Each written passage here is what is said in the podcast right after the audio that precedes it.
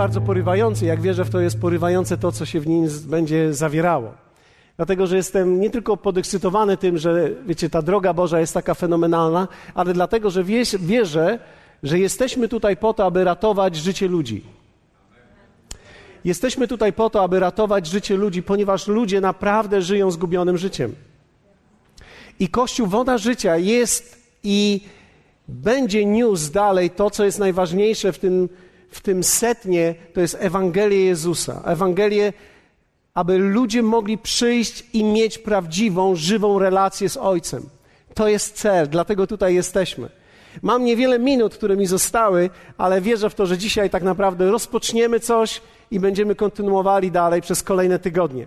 Więc jeżeli pozwolicie, to chciałbym, żebyśmy czytając tą historię, którą za chwilę Wam przeczytam, abyście wyobrazili siebie w tym i abyście zobaczyli, jak ona mogła wyglądać, ponieważ wierzę w to, że człowiek może sobie wyobrażać, gdy czyta.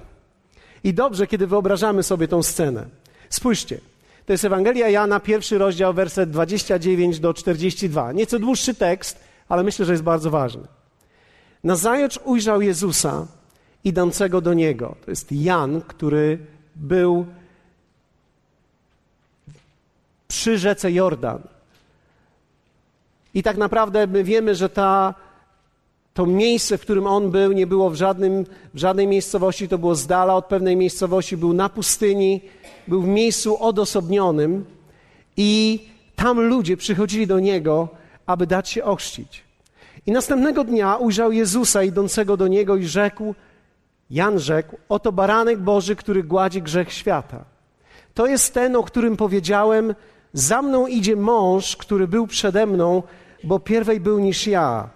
Ja go nie znałem, lecz dlatego przyszedłem, chrzcząc wodą, aby był objawiony Izraelowi. Jan świadczył też, mówiąc: Widziałem ducha stępującego z nieba, jakby gołębica, i spoczął na nim. I ja go nie znałem, lecz ten, który mnie posłał, abym chrzcił wodą, rzekł do mnie: Ujrzysz tego, na którego duch stępuje, i na nim spocznie, ten chrzci duchem świętym.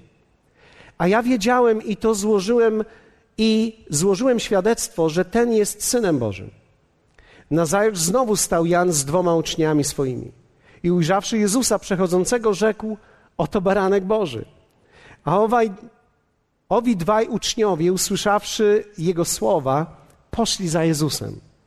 A gdy Jezus się odwrócił i ujrzał, że idą za nim, rzekł do nich: Czego szukacie? A oni odpowiedzieli mu: Rabbi, znaczy nauczycielu, gdzie mieszkasz? Rzekł im: Pójdźcie, a zobaczycie. Poszli więc i zobaczyli, gdzie mieszka, i pozostali u niego w tym dniu, a było to około dziesiątej godziny. Andrzej, brat Szymona Piotra, był jednym z tych dwóch, którzy to słyszeli od Jana i poszli za nim.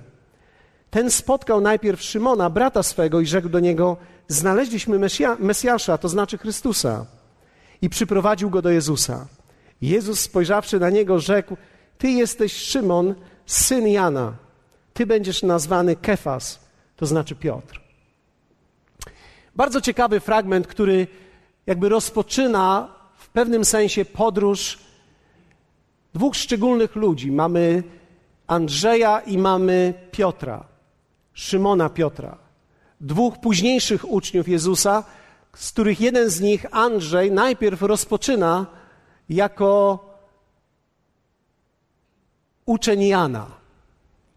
Jeśli macie na swoich krzesłach, prawdopodobnie macie karteczkę, szczególnie przygotowałem ją dla Was.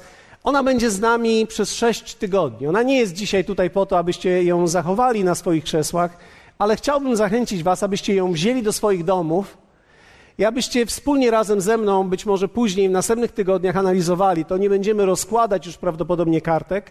Będziemy widzieli ten, e, ten rysunek, ten diagram na, e, na ekranach ale chciałbym, żebyście spojrzeli, patrząc na ten tekst, na dokładnie ten diagram, bo wierzę w to, że on dzisiaj będzie szczególne miał znaczenie. Andrzej razem z drugim uczniem rozpoczęli swoje życie jako życie religijne.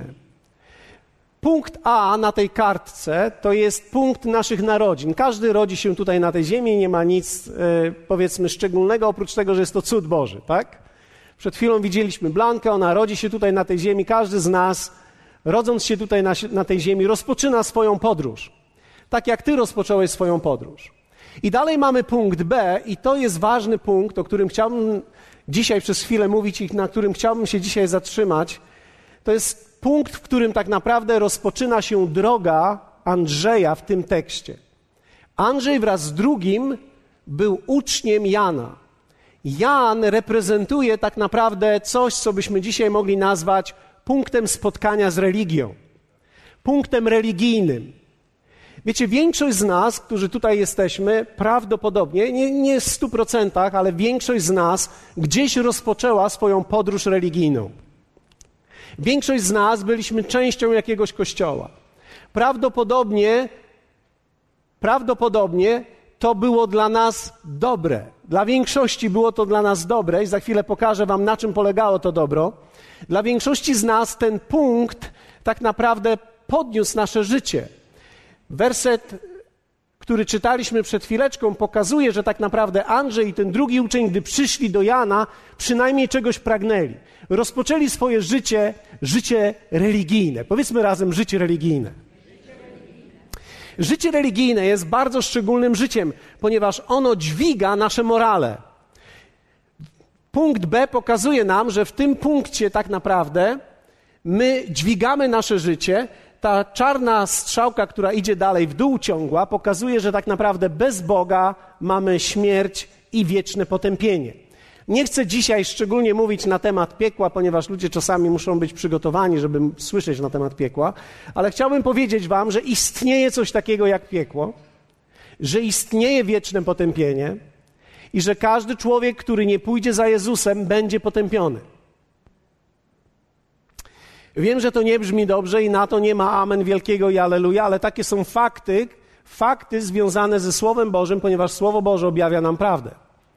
Teraz, Wszyscy ludzie, którzy nie pójdą za Jezusem, za chwilę do tego dojdziemy, to jest ten punkt C, to jest punkt, o którym dzisiaj również chwilę powiemy i w zasadzie na nim się skupimy, ale zanim do, do, niego dojdziemy, powiemy więcej o B, natomiast w C rozpoczyna się droga, narysowaliśmy ją na zielono, ponieważ ona pokazuje tak naprawdę nowe życie w Chrystusie. I to nowe życie w Chrystusie, jak widzicie, ono prowadzi nas nie tylko do nieba, ale tutaj na ziemi prowadzi nas do dojrzałego człowieka.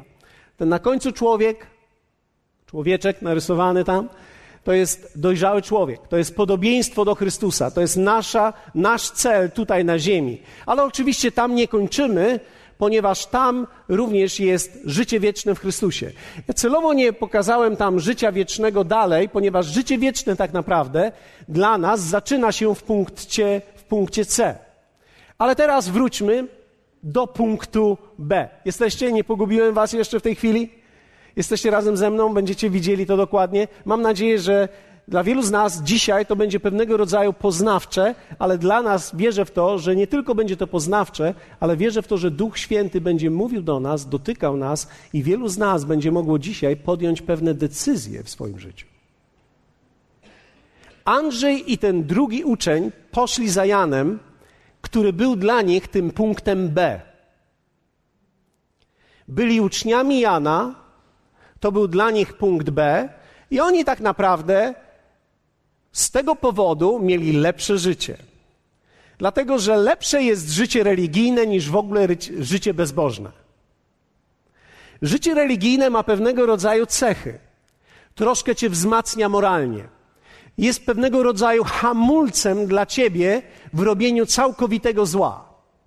Niektórzy z nas nie nagrzeszyli zbyt wiele tylko dlatego, że mieliśmy pewnego rodzaju hamulec w sobie, no, że tak nie wypada, że w zasadzie tak nie powinienem zrobić. Wiecie, nawet jeśli jednak człowiek będzie w tym punkcie B i spotka się z religijnością, no to dylemat religijności jest jednak taki, to jest pokazane dalej, że zobaczcie, mimo że ta droga nasza się podnosi nieco, to jednak w dalszym ciągu ona spada w dół i prowadzi nas do potępienia. I tutaj jest zła nowina dla tych wszystkich, którzy kochają życie religijne. Mianowicie zła nowina jest taka, że każdy człowiek zaangażowany w religię i tak będzie potępiony, niezależnie od tego, w jaką religię jest zaangażowany. Czekajcie chwileczkę, ja wiem, że to musi nasiąknąć w nas, ale muszę to powiedzieć. Jestem odpowiedzialny, żeby powiedzieć Wam prawdę i muszę to powiedzieć. Każdy człowiek zaangażowany, niezależnie od tego, w jaki rodzaj religii jest zaangażowany, w konsekwencji będzie potępiony. Dlatego, że żadna religia, żadna, absolutnie żadna, nie ma mocy zbawienia człowieka i nie ma mocy zmiany jego życia. Jan, chrzciciel, był głosem Starego Przymierza. Był głosem religii, która nie może zbawić. I wiecie, dzisiaj jest mnóstwo uczniów Jana. I prawdopodobnie wielu z nas rozpoczęło życie Boże jako uczniowie Jana. Byliśmy poprawieni, byliśmy nieco z hamulcami, nie zrobiliśmy wszystkich złych rzeczy, które mogliśmy zrobić. A niektórzy mieli hamulce, ale wiecie, jak to jest z hamulcami. Jeśli zbyt często używasz hamulcy, no to się tarcze ścierają i później już nie działają. Więc hamulce religijne działają tylko do pewnego czasu. Hamulce religijne niestety nie są w stanie zmienić człowieka. I teraz, jak długo będą działały Twoje tarcze, ja tego nie wiem. Wiem tylko, że tarcze się ścierają i nawet jeśli masz tarczę najwyższej marki, czyli masz najlepszą religię, najlepsze tarcze, to tarcze się ścierają. Powiedzmy razem, tarcze się ścierają. Wszystkie tarcze religijne się zetrą, dlatego że żadna religia nie ma możliwości zmienić człowieka. Jest w stanie go nieco uszlachetnić. I tutaj pojawiają się w tym punkcie B ludzie, którzy są tak zwani dobrzy. Oczywiście Biblia nie nazywa ich dobrymi, Jezus w zasadzie nazywa ich złymi. Ale muszę to wyjaśnić, bo to jest ważne. Pojawiają się tak zwani tutaj dobrzy ludzie. Co to znaczy dobrzy ludzie? Dobrzy ludzie oznacza to, że oni się czują, że są lepsi niż inni ludzie, że nie są aż tak źli jak ktoś inny ponieważ mają porównanie z ludźmi, pomiędzy ludźmi, porównują się i czują, że jest z nimi lepiej. Ponieważ religia uczy nas porównywania się między sobą. Więc ludzie ci idą za dobrym, ale nie za życiodajnym. Ludzie ci idą za czymś, co jest dobre, poprawne i nawet słuszne, ale niestety nie dające życia żadnego. Religia będzie dobra dla Twojego życia, ale nie będzie życiodajna, nie będziesz dalej miał życia w sobie. Dlatego też mamy tutaj ten fragment, który jest niesamowitym tekstem, gdzie widzimy Jana, który wskazuje na Jezusa i mówi: Oto baranek Boży, który gładzi grzechy świata. I ja po to przyszedłem, żeby tak naprawdę wskazać na Niego. Wskazać na Niego to oznacza pozwolić uczniom, którzy byli razem ze mną, aby poszli teraz za nim. Nie wiem, czy zwróciliście uwagę, ale pozwólcie, że wrócę do tego aspektu dobra i zła. Religia daje poczucie usprawiedliwienia. Czy ktoś z Was kiedyś czuł się dobrze, że poszedł do kościoła? Jak zaliczyłeś niedzielę, to czułeś się dobrze? Lepiej się czuliśmy. Czuliśmy się, że tak naprawdę spełniliśmy coś. Szczególnie kiedy patrzyliśmy na ludzi, którzy nie spełnili tego uczynku, mieliśmy ogromne poczucie wyższości nad nimi. Wiecie, ja będę mówił o tym jak z nut, ponieważ ja byłem dokładnie takim człowiekiem. Ja byłem tym człowiekiem, który był bardzo religijny. W małych, młodych moich już latach zostałem przez moją babcię wprowadzony w religijne życie. Byłem prawdopodobnie bardziej gorliwy niż większość z Was. Nie chcę się teraz ścigać ani siłować, ale będę z wami szczery, prawdopodobnie byłem bardziej gorliwy niż większość z was. Byłem bardzo gorliwy, chodziłem codziennie. Moja babcia uczyła mnie nie tylko pacierza, ale uczyła mnie różnych innych tekstów, więc nauczyłem się bardzo wielu rzeczy. Oczywiście jej motywem było to, żebym był dobrym człowiekiem i żebym w końcu został kapłanem, ponieważ no, najwyższy, najwyższy rodzaj już duchowości to jest wtedy, kiedy zostaniesz kapłanem w każdej religii. W każdej religii tak jest, że kiedy człowiek już dochodzi do szczytu, to tam zostaje kapłanem. Okej, okay.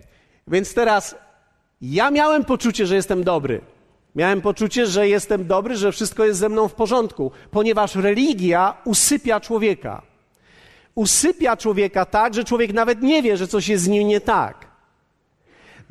Czego nie wiemy tak naprawdę? No tego, co jest chyba najważniejsze, mianowicie tego, że jesteśmy w dalszym ciągu na tej drodze w dół. Wiecie, ponieważ religia nieco podnosi Twoje życie i jesteś trochę lepszy niż ci, którzy są na tej drodze niższej, czyli na tej strzałce ciągłej w dół, jesteś nieco lepszy, bo jesteś na tej przerywanej w górze. Więc zwróćcie uwagę, że pomiędzy nimi jest pewien dystans, więc ci, którzy idą teraz tą przerywaną góry, czują się lepsi niż ci, którzy idą tą prostą linią śliską w dół. Więc ja miałem poczucie, że jestem dobry. Religia wytwarza tak zwanych dobrych ludzi, tylko zgubionych ludzi. Ale Jezus nazywa tych ludzi złymi ludźmi. I pewnego dnia wyczytałem w Biblii, Jezus powiedział, że jesteśmy źli. On powiedział w Ewangelii Łukasza w 11 rozdziale, wersecie 13: Jeśli więc wy, którzy jesteście źli, umiecie dobre dary dawać swoim dzieciom, o ileż bardziej Ojciec Niebieski da Ducha Świętego tym, którzy go proszą. Czyli Jezus wyraźnie powiedział, że wszyscy ludzie, teraz posłuchajcie mnie, bo to będzie brzmiało bardzo źle w naszych umysłach, a szczególnie w porównaniu z tym, co uczą nas w szkołach. Ale muszę mówić prawdę i coraz bardziej będzie ona przeciwna temu, co słyszymy. Wszyscy ludzie są źli. Wszyscy ludzie. Nie ma ani jednego dobrego. Ale teraz, zanim się na mnie obrazisz lub też poczujesz się zraniony przeze mnie, pozwól, że wytłumaczę.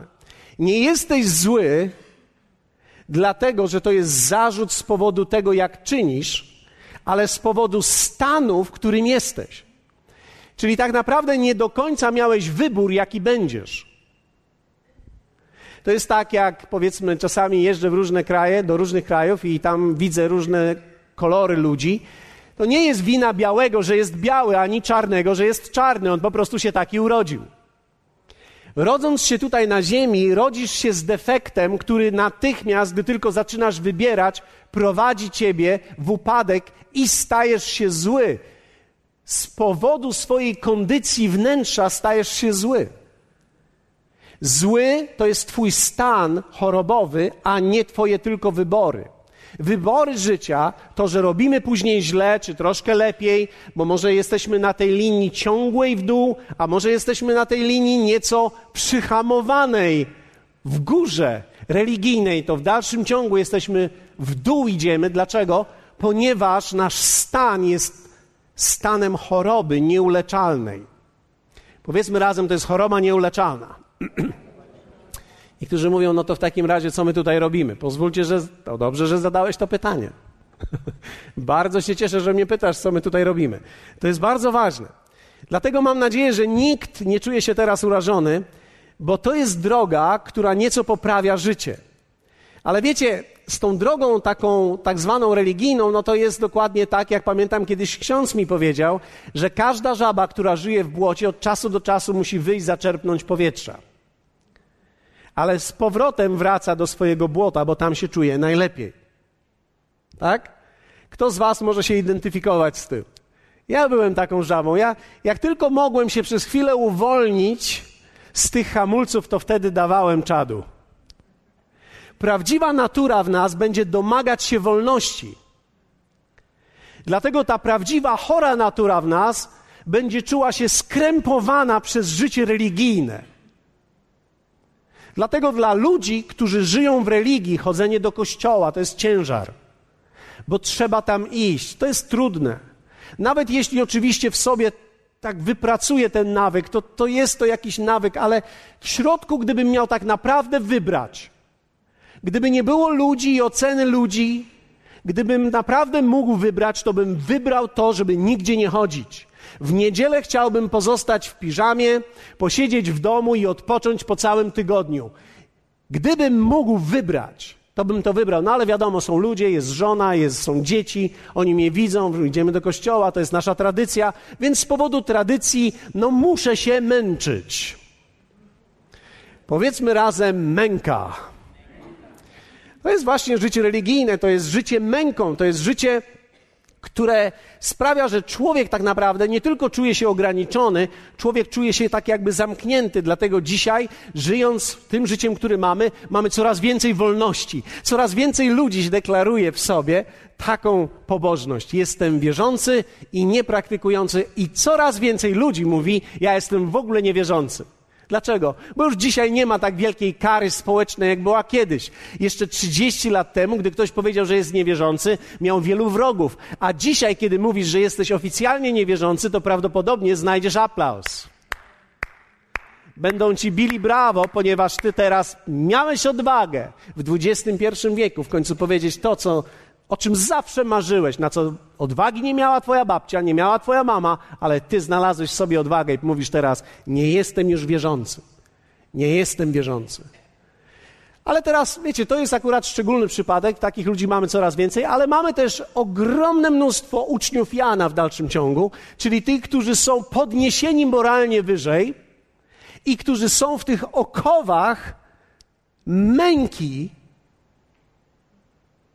męki, ponieważ muszą coś robić, a tak naprawdę nie chcieliby tego robić.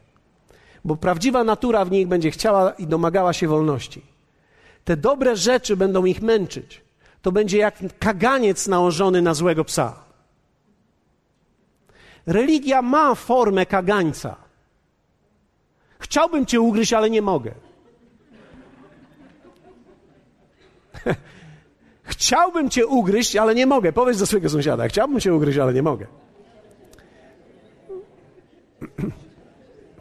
Wiecie, dlaczego? Bo, bo nie da się zmienić natury przez religię. Można tylko ją zasklepić. Można ją tylko. Tylko wiecie, to jest bardzo interesujące i bardzo ciekawe, ale, ale człowiek zawsze ściąga kaganiec w pewnych momentach. I najczęściej ściągamy kaganiec w domu. Dlatego religijni ludzie czują się, że muszą się wymęczyć w kościele, no bo mają kaganiec, ale później idą do domu, zrzucają kaganiec, no i w końcu mogę pogryźć. w końcu mogę powiedzieć to, co myślę, i w końcu mogę dać ulgę swojej naturze, która gdzieś we mnie jest. Mogę nosić kaganiec. Okej, okay, skoro żyję już w takim kraju, w którym wszyscy noszą kaganiec, albo większość nosi kaganiec, ja również będę nosił kaganiec. Są tacy, którzy go zrzucają i nie mają z tym problemu i uczą się żyć w sposób prawidłowy, w miarę, nie krzywdząc nikogo w społeczeństwie, nie nosząc kagańca, ale w dalszym ciągu większość ludzi, miliony Polaków dzisiaj, nosi na sobie kaganiec religijny. Halleluja. Jeśli lubisz nurkować, to bez sprzętu nie da rady. Chrześcijaństwo jest jak nurkowanie. Religia to jest próba zanurzenia się w tym, co jest chrześcijaństwem, jeśli mówimy o religii chrześcijańskiej. To jest próba zanurzenia się w tym, ale mogę wytrzymać tylko przez chwilę. Ile to jest chwilę? Niektórzy mogą zadać pytanie. To jest dobre pytanie. Ale czasami to trwa rok, czasami 5 lat, czasami 20, czasami 30, czasami 50 lat. Może tak być, że ktoś przez 50 lat naprawdę nie wytarł hamulców, a po 50 latach wytarły się, już nie ma czym hamować. I czasami się dziwimy, jak to jest możliwe, że człowiek może pójść jednak zupełnie inną linię czyli z tej linii religijnej, jednak zanurkował w dół i poszedł szybciej linią czarną, ponieważ sobie poluzował, już nic nie hamuje. I teraz mamy pewną filozofię, wiecie, bo to, to jest pewna filozofia życia ludzi religijnych na tej drodze religijnej. Ci ludzie mówią tak: przecież chodzi o to w życiu, żebym nie krzywdził innych.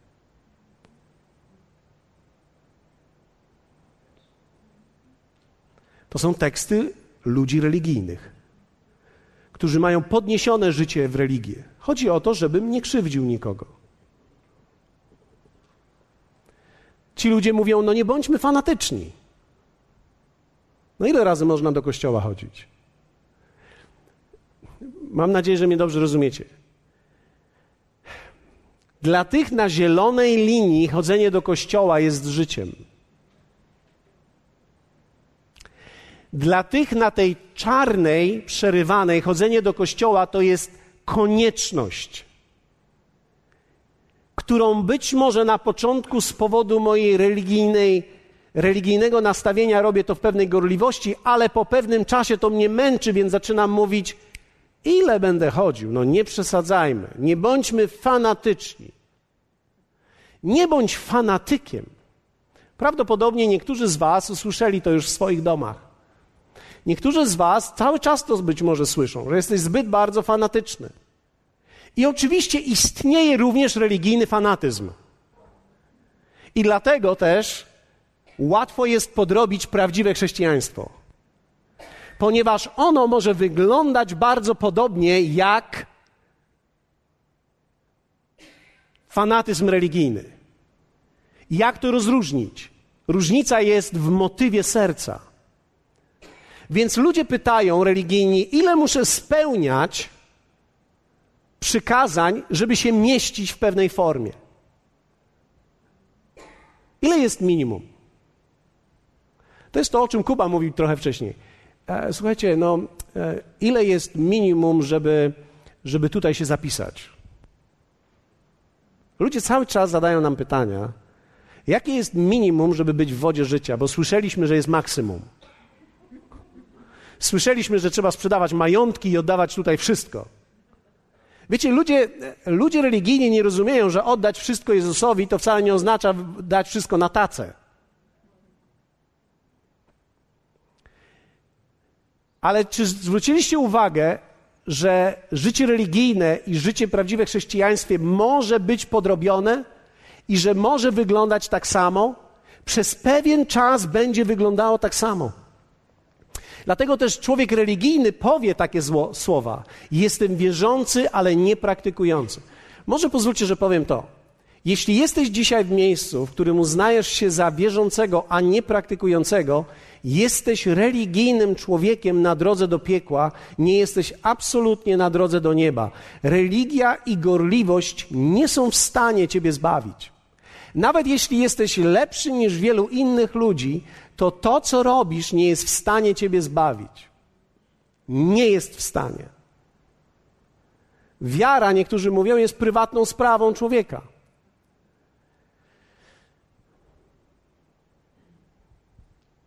Niektórzy się się zastanawiają, gdzie ja teraz zmierzam, w którą stronę. No właśnie dokładnie to. Mamy mnóstwo uczniów Jana. Jest wielu ludzi, którzy zaczyna swoją podróż od życia religijnego. I teraz posłuchajcie, bo to jest ważne. Są ludzie, którzy przychodzą tutaj do kościoła i zmieniają kościół, i dla nich to jest punkt B, nie punkt C. Czyli nie mają tego, co jest w tym C. Nie wiem, czy możecie przeczytać to na tablicy, ale prawdopodobnie możecie przeczytać w swoim, w swoich, na swoich kartkach. Tam jest napisane spotkanie Spotkanie z Jezusem zmienia wszystko w życiu. Spotkanie z Jezusem zmienia wszystko w życiu. Spotkanie z Jezusem jest absolutnie rewolucją w życiu człowieka. Absolutną rewolucją. Dlatego człowiek religijny może mieć właściwe ruchy, właściwą rytynę, właściwe przyzwyczajenie, może mieć gorliwość, ale w dalszym ciągu nie będzie miał życia w sobie. Dlatego jest możliwe, że ludzie przyjdą tutaj, będą widzieli, jakie mamy ruchy i mogą nauczyć się je naśladować, ale będą w dalszym ciągu w punkcie B bez spotkania z Jezusem i to jest tylko kwestia czasu, kiedy odpadną od Chrystusa. Ci ludzie może spodobać im się pastor, znaczy rzadko, ale zdarza się, że jest wielu ludzi, którzy mówią, ja się z tym gościem zgadzam. Jest wielu ludzi, którzy się nie zgadzają, ale są ludzie, którzy mówią, się zgadzają, ale zgadzanie się ze mną nie zmienia Twojego życia. Ponieważ dopóki nie spotkasz się z Jezusem, spotkanie z religijnością nic ci nie pomoże. Bo możesz mieć właściwe ruchy, Możesz się nauczyć właściwych tekstów, właściwych piosenek, ale w dalszym ciągu jesteś zgubiony, w dalszym ciągu jesteś na drodze do piekła. Teraz posłuchajcie mnie, na czym to polega? Polega to na tym, że człowiek, który dotknął religii, będzie spał w niewłaściwym łóżku. I nic to w nim nie zrobi. Wiecie, dzisiaj ludzie przychodzą do mnie i mówią, ja śpię z tą kobietą. No ale przecież rozumiesz, ja ją kocham. Widzisz, ja to rozumiem. Ja to rozumiem, tylko ty musisz zrozumieć, że ty jesteś w dalszym ciągu w punkcie B, nie w punkcie C. Dlatego, że kiedy będziesz w punkcie C, nikt nie będzie ci musiał mówić, że to jest niewłaściwa kobieta, z którą śpisz. Ty będziesz wiedział, bo po spotkaniu z Jezusem, ty będziesz wiedział, że to jest nie to łóżko. Powiedzmy razem Alleluja. Dlaczego? Bo spotkanie z Jezusem dokonuje reformy, że nie możesz bez Niego żyć. Nigdy nie będziesz mógł bez Niego żyć. Słuchajcie mnie. Gdy raz spotkasz Jezusa, nigdy nie będziesz mógł bez Niego żyć. Jeśli możesz żyć bez Niego, nigdy Go nie spotkałeś, tylko przez chwilę zostałeś podniesiony do punktu B. Większość z nas zaczyna od takiej religii. Musicie też wiedzieć jeszcze jedną rzecz. To jest ważne. Dla naszych dzieci, które rodzą się tu w kościele, bycie w tym kościele to jest punkt B, nie punkt C. Nasze dzieci nie są zbawione tylko dlatego, że tutaj są w kościele i niektórzy rodzice są naiwni, mówiąc, czy to nie jest szczęście, że nasze dzieci są teraz tutaj i mogą tak tańczyć dla Pana tutaj?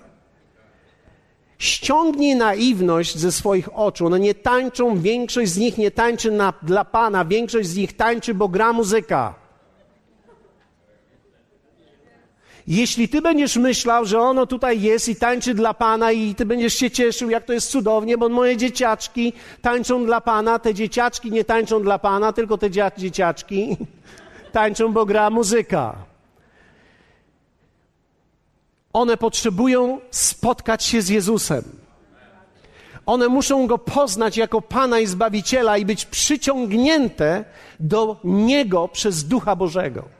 Dopóki to nie nastąpi, one się nauczą mówić właściwie, ruchy będą mieli właściwe, a w dalszym ciągu w nich będzie zgubiony duch, który będzie prowadził ich prosto do piekła.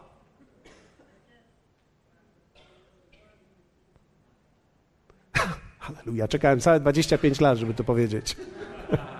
Ktoś może powiedzieć, czemu czekałeś tak długo? Zajęło mi to 25 lat, żeby to zobaczyć i zdefiniować. Że dzieci wychowane w religii, wiecie, dla nich to jest religia. Bo one nie mogą wiedzieć, co ty robisz tutaj, one muszą wiedzieć, dlaczego ty to robisz. Dlaczego jest ważniejsze niż co. Więc o życie tu chodzi. I teraz, żeby Was zachęcić, to pokażę Wam, że można już kończyć, więc powstańmy. Poproszę o, o, o zespół do przodu. Tylko ktoś, kto spotkał Jezusa, jest w stanie wskazać go innym. Teraz posłuchaj mnie. Posłuchajcie mnie. Ja, ja, nie znam stanu waszego serca. Ja nie wiem, czy ty się spotkałeś z Jezusem. Ja prawdopodobnie mogę powiedzieć, na pewno spotkałeś się z religią. Ale ty musisz dokonać w duchu oceny swojego serca. Bo pozwólcie, że powiem wam. To jest, to jest ważne. Ja wiem, że to, co powiem teraz, będzie trudne. Ale w dalszym ciągu, jeśli istnieje coś, co jest ważniejsze niż Jezus w Twoim życiu, musisz się z nim spotkać.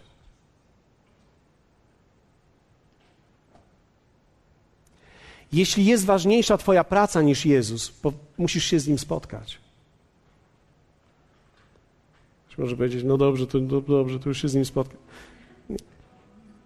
Ja nie chcę Ciebie straszyć, bo widzisz, straszy się ludzi do religii.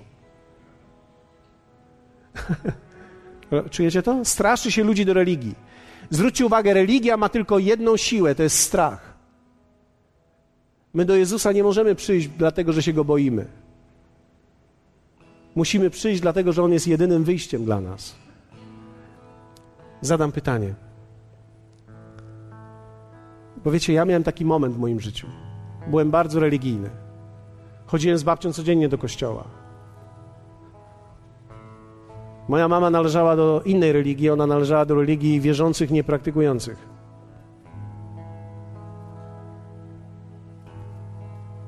Wyznawaliśmy to samo, ale wiecie, mieliśmy własne ruchy. I później był taki moment, gdy się nawróciłem i spotkałem Jezusa. Ja powiem Wam, ja spotkałem Jezusa. W 83 roku spotkałem Jezusa. Których z Was na świecie nie było? Spotkałem Go. Spotkałem Go i w tym dniu zmieniło się wszystko. Czy byłem kuszony? Tak. Czy miałem złe dni? Tak. Ale jeśli zadasz mi pytanie, czy mogłem, czy, czy miałem pokuszenie, by od Niego odejść? Nigdy. Nigdy. Czy mógł być ktoś, kto mnie od Niego odciągnął? Nie było takiej szansy. Dlatego, że po spotkaniu z Nim przeżyłem takie rzeczy. Po pierwsze, mój grzech został jak dług zapłacony. Czy poczułeś kiedyś, że jesteś wolny od grzechu? Nie grzechów, ale starej natury. To jest piękne uczucie. Ja poczułem tego dnia, że jestem nowym człowiekiem. Ja doświadczyłem tego. Poczułem tego dnia, że stary Paweł już go nie ma. Paweł religijny, który biegał do kościoła, przestał być Pawłem religijnym biegającym do kościoła, teraz zaczął być nową naturą, która biega do kościoła, ale teraz się już nie męczy. Wcześniej religijność mnie męczyła, teraz nowe życie dało mi życie, tak że ja się już nie męczyłem Bogiem. Wiecie, że człowiek religijny się męczy długimi spotkaniami? Siedzi i myśli, kiedy koniec. Kiedy spotkasz się z Jezusem, nie będziesz chciał od Niego odejść. Będzie ci ciężko wyjść z kościoła. Tak jak pamiętam kiedyś, gdy się nawróciło wielu z nas, młodych ludzi w kościele, myśmy byli wiele godzin przed otwarciem kościoła, a później wiele godzin po zamknięciu kościoła. Nie, nikt nas nie mógł odciągnąć od siebie i od tego, co Jezus w nas uczynił. Nic mi już nie oddzielało od Ojca. Czy doświadczyłeś tego, jak On stał się kimś bliskim dla Ciebie? Czy On się stał bliskim? Ale wiecie, kiedy ja mówię bliskim, gdzie jest moja żona? Kiedy ja mówię bliskim, ja nie mam na myśli bliski poprawnie, Panie Jezu, dobrze, że tutaj jesteś. Bliski to jest ktoś, w końcu odpocząłem przy Tobie. Ja już, ja już nie mam życia poza Tobą. Już nie mam życia poza Tobą. Poczułem się po raz pierwszy kochany jak nigdy dotąd. Poczułem się częścią rodziny Bożej. Wiecie, nagle, pozwólcie, że przebiegnę historię chwilę. Wiem, że jest późno, ale muszę to zrobić. Ja, który nigdzie nie pasowałem, nigdy nigdzie nie pasowałem, w sobie nie, czułem, że nie pasuje, bo prawdę ludzie by powiedzieli, że pasuje, ale ja czułem, że ja nie pasuję. Ja nagle znalazłem rodzinę, ja poczułem, że ja pasuję. Nagle poczułem się częścią wielkiej rodziny. Nagle miało sens dla mnie ludzie, którzy umierali za wiarę w pierwszych wiekach. To była moja rodzina. Matki, które, którym zwierzęta wyrywały dzieci, a one musiały na to patrzeć tylko dlatego, że mówiły: Jezus jest Panem. To była moja rodzina przez tak zwane ciemne wieki, kiedy prawdziwy Kościół był cały czas prześladowany, to była moja rodzina. Ci ludzie stali się moją rodziną. Nagle zrozumiałem Jana Husa, który ogłaszał zbawienie przez wiarę. Nagle zrozumiałem, że to była moja rodzina. Wiecie, on gromadził około 500 ludzi jest zaznaczony w historii jako jeden z wielkich reformatorów. Dlaczego? Ponieważ on spotkał się z Jezusem i niezależnie od tego, w jakiej religii jesteś, kiedy spotkasz się z Jezusem, to zmienia ciebie całkowicie. Nagle zrozumiałem rozterki Lutra, który mimo iż doszedł do największej jakby godności kapłańskiej, nagle zobaczył, że jest zgubionym człowiekiem, że tak naprawdę tylko miał punkt B, a nie miał nigdy punktu C. I gdy się spotkał z Jezusem, wszystko się zmieniło. Poczułem się częścią rodziny. W Chinach teraz nasi bracia, niektórzy i siostry giną za wiarę. Niektórzy z nich nie mogą wyznawać swojej wiary i po cichu śpiewają pieśni z tęsknoty za Jezusem, a oni, oni są prześladowani, gwałceni za wiarę. Wiecie, to jest moja rodzina. Ja nagle zrozumiałem, że to jest moja rodzina. I teraz pozwólcie, że powiem wam. Tak jak kocham wszystkich ludzi, tak ponad wszystko kocham moją rodzinę, rodzinę wiary. Ale ona jest inna niż ludzie wszyscy. Bo są ludzie, którzy nie mają czasu dla Boga, są ludzie, którzy są zajęci zbyt bardzo, żeby za nim pójść, są zajęci, boją się fanatyzmu. To nie jest moja rodzina. I ja nie mam pragnienia z nimi być. Ale mam pragnienie bycia z tymi, którzy są prawdziwie rodziną, którzy spotkali się z Jezusem. Nie są tylko podniesieni religijnie, ale spotkali się z Nim. I dzisiaj chciałbym dać nam wszystkim szansę, abyś mógł spotkać się z Nim. Być może to spotkanie nie będzie teraz tutaj, ale chciałbym, żebyś modlił się, aby ono nastąpiło. Dlatego poprosiłem tutaj pięć osób, aby wyszły do przodu tutaj. Duszpasterzy, którzy będą modlić się o Was, proszę Was z przodu. Jeśli jesteś dzisiaj tutaj i jeśli w środku czujesz, że Twoje życie być może było życiem kompromisu, być może Twoje życie było życiem zabieganym. Wiecie, zabieganie to nie jest tylko zabieganie. Zabieganie oznacza, że coś jest Bogiem dla mnie większym niż mój Jezus. I nie chodzi o to, żebyś teraz czuł się źle, chodzi o to, żebyś zapragnął, że istnieje prawdziwe spotkanie, które reformuje życie. Jednej rzeczy, której bym nie chciał, to jest, żebyś pozostał tylko dotknięty w punkcie B religijnym, ale moje pragnienie jest, abyś spotkał się z tym, który jest prawdziwym życiem i daje życie. Ludzie, którzy tego doświadczyli, poczuli radość płynącą z zaufania, z poczucia bezpieczeństwa. Czy poczułeś kiedyś radość, że jesteś w Nim, całkowicie połączony z Nim? To była droga, na którą wszedłem tego dnia. I to jest droga, na której mogę wskazać jak Jan, oto baranek Boży, który gładzi grzechy świata. Tylko ci, którzy tego dotknęli, mogą o tym powiedzieć. Tylko ci, którzy spotkali Jezusa, mogą o tym powiedzieć. Jeśli jesteś dzisiaj tutaj, nieważne, jeśli modliłeś się kiedykolwiek modlitwą zbawienia, okej, okay. ale wiecie, człowiek może się modlić z modlitwą zbawienia z różnych powodów i to wygląda tak, jakby się zapisał do jakiegoś klubu, ale w środku nie było przemiany serca. I jeśli nie było przemiany serca, dalej nie zrywasz z nałogami. Dalej nie masz siły, żeby z czymś zerwać. I wiecie, zdaję sobie sprawę z tego, że nałogi mogą być różną przyczyną, ale są ludzie, którzy nie mają problemu z tym, że mają ten nawóg od 30 lat i w dalszym ciągu, no trudno, każdy ma swoje problemy. Nie, jeśli spotkasz się z Jezusem, będziesz chciał wszystko poddać Jemu. I chciałbym zachęcić Ciebie, abyś, jeśli pragniesz tego, jeśli masz to pragnienie, wyjdź do przodu, tu będziemy modlili się.